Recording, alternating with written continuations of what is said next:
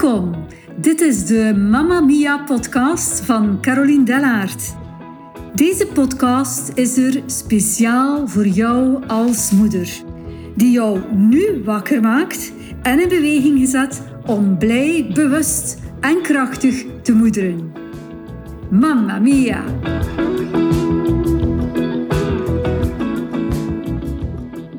De grootste ballon die bij de meeste van ons nog wacht om doorprikt te zijn, is wel die van niet genoeg zijn of ook wel willen perfect zijn. Als mama wil je het gewoon goed doen. Het is dan, ouderschap is één van die engagementen waarin dat je echt wil slagen. Die relatie met jouw kinderen wil je goed houden, wil je in stand houden voor altijd. Dit moet gewoon lukken. En als er dan eens een moeilijke periode is met je kind, of een situatie die zich voordoet waar je op dat moment geen uitkomst ziet, dan komt er al vlug een stemmetje in je op dat fluistert van oh, had je beter iets anders aangepakt? Of had je meer moeite moeten doen? Of vind je dat je als mama hebt gefaald? En dat stemmetje dat gaat nog verder. En dat gaat nog verder. Totdat je uiteindelijk komt bij het gevoel en de beslissing voor jezelf van ik ben niet goed genoeg. Ik schiet tekort als mama. En ik denk dat iedereen, maar ook iedereen, dat gevoel ook echt kent. Dat gevoel van niet genoeg zijn, die ballon is eigenlijk bij iedereen aanwezig en kent eigenlijk zijn oorsprong al op het moment dat jij als kind jouw eerste nee kreeg. Dat doet pijn. Dus niet de nee zelf, want diep van binnen weet je als kind dat er grenzen bestaan en dat die door onze ouders en andere zorgfiguren moeten gezet worden. Maar het is vooral van waaruit die nee gegeven wordt. Dat kan zijn dat is vanuit van nee, jij voldoet niet aan mijn verwachtingen nu. Of nee, brave kindjes luisteren naar hun mama. En je zus die doet dat beter. En die nee dat je op die manier hoort, dat doet ons voelen en denken dat we niet goed zijn. Of niet goed genoeg zijn. Ik voldoen niet wie ik ben. Ik ben niet goed. Maar die nee die kan ook anders zijn. Die nee kan ook zijn van ja, ik denk dat het op die manier niet zal lukken. En dat is hier nu echt wel niet leuk voor jou. Nee, we gaan het anders moeten proberen. Of, ik weet dat jij dat nu heel belangrijk vindt, maar er zijn nu echt iets anders die voorrang heeft. Nee, dat kan nu niet. In het tweede geval van een nee krijgen zijn er drie verschillen op te merken. Ten eerste wordt er rekening gehouden met wat er in ons leeft, er wordt gezien, gehoord, gevoeld dat een nee krijgen niet leuk is. Uh, ten tweede kan een nee, heeft hier ook een, een iets andere betekenis. Het, klinkt meer als op een andere keer graag, of op een andere manier is beter, of dat is hier nu alles behalve veilig of gezond, hier is er een stop. Of hier heeft er iemand met meer levenservaring nu over te beslissen voor de goede afloop. En dan wordt het zijn helemaal niet aangevallen. En weet je dat er ook een andere, gewoon een andere houding of ander gedrag van jou wordt uh, gevraagd. Nu, je kan als ouder helemaal niet vermijden dat jouw kind hiervan gespaard blijft, van die eerste en die tweede neens. Uh, want moet ik zeggen, zeker ook niet van die eerste neens. Want iedereen is een mens. En iedereen heeft van die goede en van die minder goede momenten van waaruit dat je reageert. Er is niet altijd evenveel uh, geduld, er is soms stress, waardoor dat je anders reageert. En ook die momenten en die, eh, eh, die mensen gewoon, zijn er ook gewoon in, in de opvang, in, in school, in de omgeving, bij familie. En er zullen ook altijd omgevingen zijn waarin dat er blijft geoordeeld worden en waarin dat er blijft vergeleken worden. Maar ten tweede geloof ik dan vooral dat je altijd kan terugkomen op wat er gezegd geweest is. Er is je kan altijd op de rewind-knop drukken en het een of ander herstellen. Hier is natuurlijk wel nodig dat je eigenlijk als ouder hier ook in jouw eigen uh, kwetsbaarheid uh, kan gaan staan. Maar door gewoon te zeggen van, uh, mama had het nu zelf even moeilijk, ik heb misschien niet gereageerd, ik wou reageren, of ja, dan, dat kind zal dat ook begrijpen. Um, ten tweede ja, is gewoon zo, is de realiteit dat het kind om te leren gaan heeft uh, met een nee. En dat het ook, um, dat het ook een stuk een deel is om het kind zichzelf te leren een stukje te reguleren. En het zijn dus ook die ervaringen dus binnen het gezin die het ook mogelijk maken om hierin te groeien, om uh, hierin te evolueren. Een derde punt die, waar ik ook wel in geloof, is dat het kind ook gaat spiegelen hoe dat jij als ouder omgaat met een een.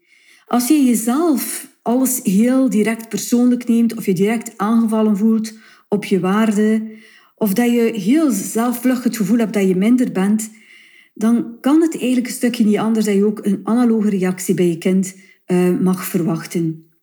Anderzijds kan je ook misschien een persoon zijn die hoge, zelf hoge verwachtingen heeft naar zichzelf.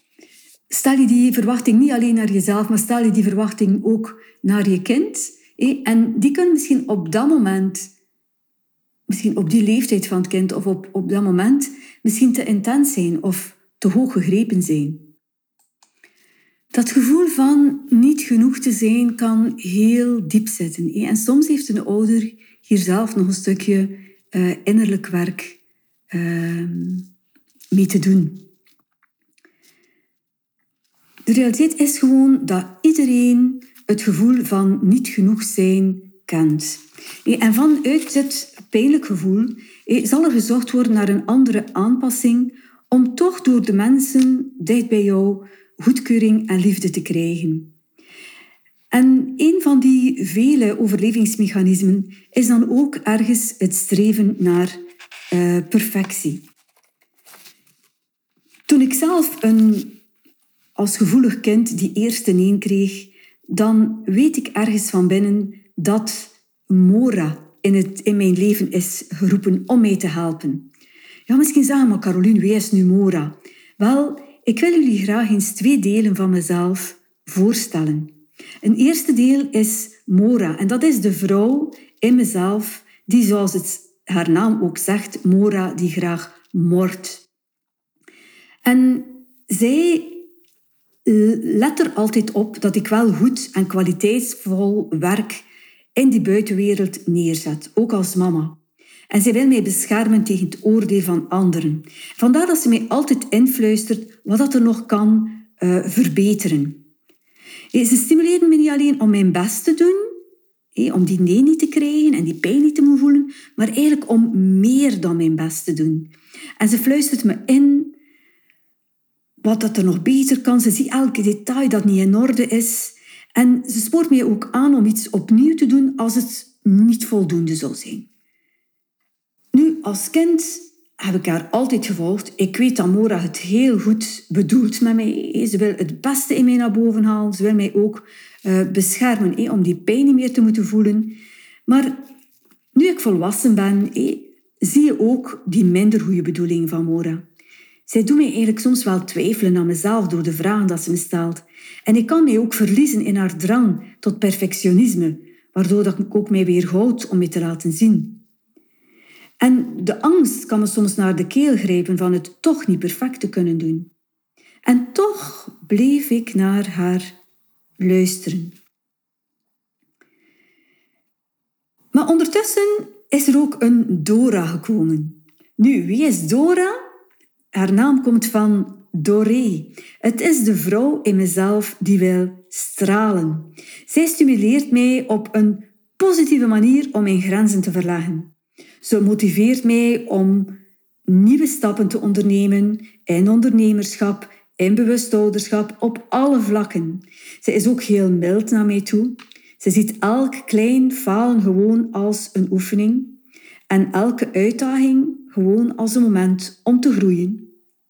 Voor elke groeistap in de goede richting supportert ze voor mij. En ik voel haar erkenning in wie ik echt ben. En ik mag er zijn bij haar met mijn plusjes en met mijn minnetjes. Ja, het mag ook wel eens wat minder zijn. En als ik Dora voel, dan voel ik mij op slag blij. Dora kan ook heel goed overweg met mijn andere deelpersoonlijkheden. Ook met die. Ja, zelfs laatst, toen ik bezig was met die lancering van mijn podcast, besloot ik ze om ze nog een keer samen te brengen. Tot een innerlijk gesprek. En ik hoorde Mora morren tegen Dora van... Oh, zou ze niet beter nog een beetje wachten om te lanceren? Maar volgens mij kan het nog veel beter. Oh, en zou er dan nu echt wel iemand naar luisteren naar die podcast? En zou die gast die haar helpt wel te vertrouwen zijn?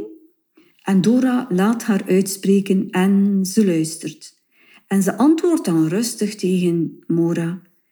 Mora, ik ben echt wel dankbaar dat je Caroline geholpen hebt om echt wel een kwalitatieve podcast op te nemen. Zowel naar vorm als naar inhoud. Je hebt daar echt wel de puntjes op de i laten zetten. Maar tegelijk, weet je Mora, perfectie bestaat niet. En aldoende leer je. En zo zal Caroline ook aldoende leren in dat podcasten. Ga nu maar even zitten. Je hebt nu al genoeg gewerkt. En kijk nu maar toe hoe alles zich ontvouwt. En weet je, Caroline zal je hulp zeker nog nodig hebben. Je moet niet bang zijn dat ze jou niet meer zal nodig hebben, dat je geen werk meer zal hebben, want je blijft haar buddy. Je kan haar blijven herinneren aan bepaalde structuren die ze kan blijven verder gebruiken die goed werken. Of je kan er blijven op letten om haar kwaliteit hoog te houden. Het is juist goed dat jij er bent. En Mora wordt daar dan helemaal rustig van. Ze heeft zelf deugd aan dat gesprek met Dora. En ik moet ze eigenlijk nog veel meer eens samenbrengen. En Dora geeft mij dan ook tot slot zelf nog enkele bemoedigende woorden mee van Caroline, het zijn geschenken die jij in Mamma Mia de podcast zal geven. Het zijn gewoon belangrijke zaadjes die in elk gezin mogen groeien. En je kan hier alleen maar positieve veranderingen mee bekomen, want ze vertrekken vanuit je hart. Er kan hier alleen maar een goede outcome zijn. Vertrouw maar, je bent goed bezig. En haar woorden doen mij deugd en ik bedank haar. Ik ben eigenlijk dankbaar dat ze er allebei zijn. Ze zijn er allebei nodig. Beide stemmen mogen er zijn. Herken je ook die Mora en die Dora in jezelf? Ze hebben misschien een andere naam. Maar wil jij misschien die Mora ook wel een beetje meer vakantie geven? En wil jij ook Dora eens meer op bezoek vragen? Een innerlijk gesprek kan echt wel deugd doen. Probeer maar eens. Ik denk dan vooral dat heel veel hoogsensitieve mama's en kinderen veel meer last hebben van deze mora. Te midden van al die prikkels die je krijgt en niet of weinig kan filteren, dan kan perfectie jou een houvast geven. Want iets dat perfect is, die tien op tien, dat alles juist, daar kan gewoon niemand iets op zeggen. Er komen weinig prikkels bij te pas. Vandaar dat hoogsensitieve ouders en kinderen het ook van de eerste keer juist willen doen. Als dat niet van de eerste keer lukt, dan komt er daar frustratie, boosheid, tranen bij. En iedereen herkent dat misschien wel bij die personen. Het vlug zeggen van, als het niet lukt van de eerste keer, ah nee, ik wil het niet, ik kan het niet of ik stel het uit. Maar als kind kan je niet overzien dat die perfectie niet bestaat. En dat er eigenlijk overal om je heen uh, gewoon imperfectie aanwezig is. Mama is perfect, papa is perfect, oma is perfect, opa is perfect, de juf of de meester is perfect. En dus als zij zeggen, of ja, lees, opmerkingen geven, oordelen, of zeggen dat er iets niet voldoende is, dan denk je gewoon dat het niet aan hen ligt, maar dat het gewoon aan jou, aan jou ligt. Dan voel je jezelf uh, mislukt. Jij bent niet oké. Maar hoe ouder dat je dan wordt, hoe groter dat je wordt, hoe meer dat je denkt, ontdekt dat iedereen eigenlijk gewoon een klungelaar is. Dat iedereen een twijfelaar is. Dat, dat je gewoon als volwassene ook niet weet, altijd weet hoe dat je het moet doen. Dat iedereen zoekende is en dat alles ver weg staat van die uh, perfectie. Dus zit jij zelf ook soms nog met een stuk dat kindstuk van niet genoeg zijn? Dan is het misschien nu het moment om dat volwassen stuk in jezelf aan te spreken. Of om je te laten inspireren door Dora. Of door een volwassene die heel mild is naar je toe. Ik wens jou in ieder geval toe dat je vannacht, terwijl jij aan het slapen bent, dat mijn Dora eens bij jou op bezoek komt en in je oor fluistert: Jij bent echt goed zoals dat je bent. En dat die zachte, dat zachte gezoem, die lieflijke trilling echt in al je cellen komt. Ze verdrijft alle lagere trillingen die er aanwezig zijn. En er klinkt één genoegzaam mm. Alle cellen worden gevuld door zelfgenoegzaamheid. Bye bye, Mrs. Perfect. Welkom, Mrs. Sunshine. Dankjewel voor het luisteren naar deze podcastaflevering. Ik hoop dat je met veel welbevinden de rest van je dag mag ingaan en de dagen erna. Tot een volgende. Dankjewel dat je luisterde naar deze podcast. Ik vind het altijd leuk als je een review of een berichtje nalaat wat je van deze podcast vond of wat je eruit meeneemt. Zelf kan je ook abonneren op mijn podcast. Maar misschien denk je nu op dit moment ook wel aan een andere moeder. Zo van, ja, zij zou er eigenlijk ook wel heel veel deugd aan hebben om dit te horen. Wel, dan ben ik je nu al van harte dankbaar om dit met haar te delen, want Mamma Mia is er echt voor alle moeders. Bedankt om te luisteren en heel graag tot een volgende keer.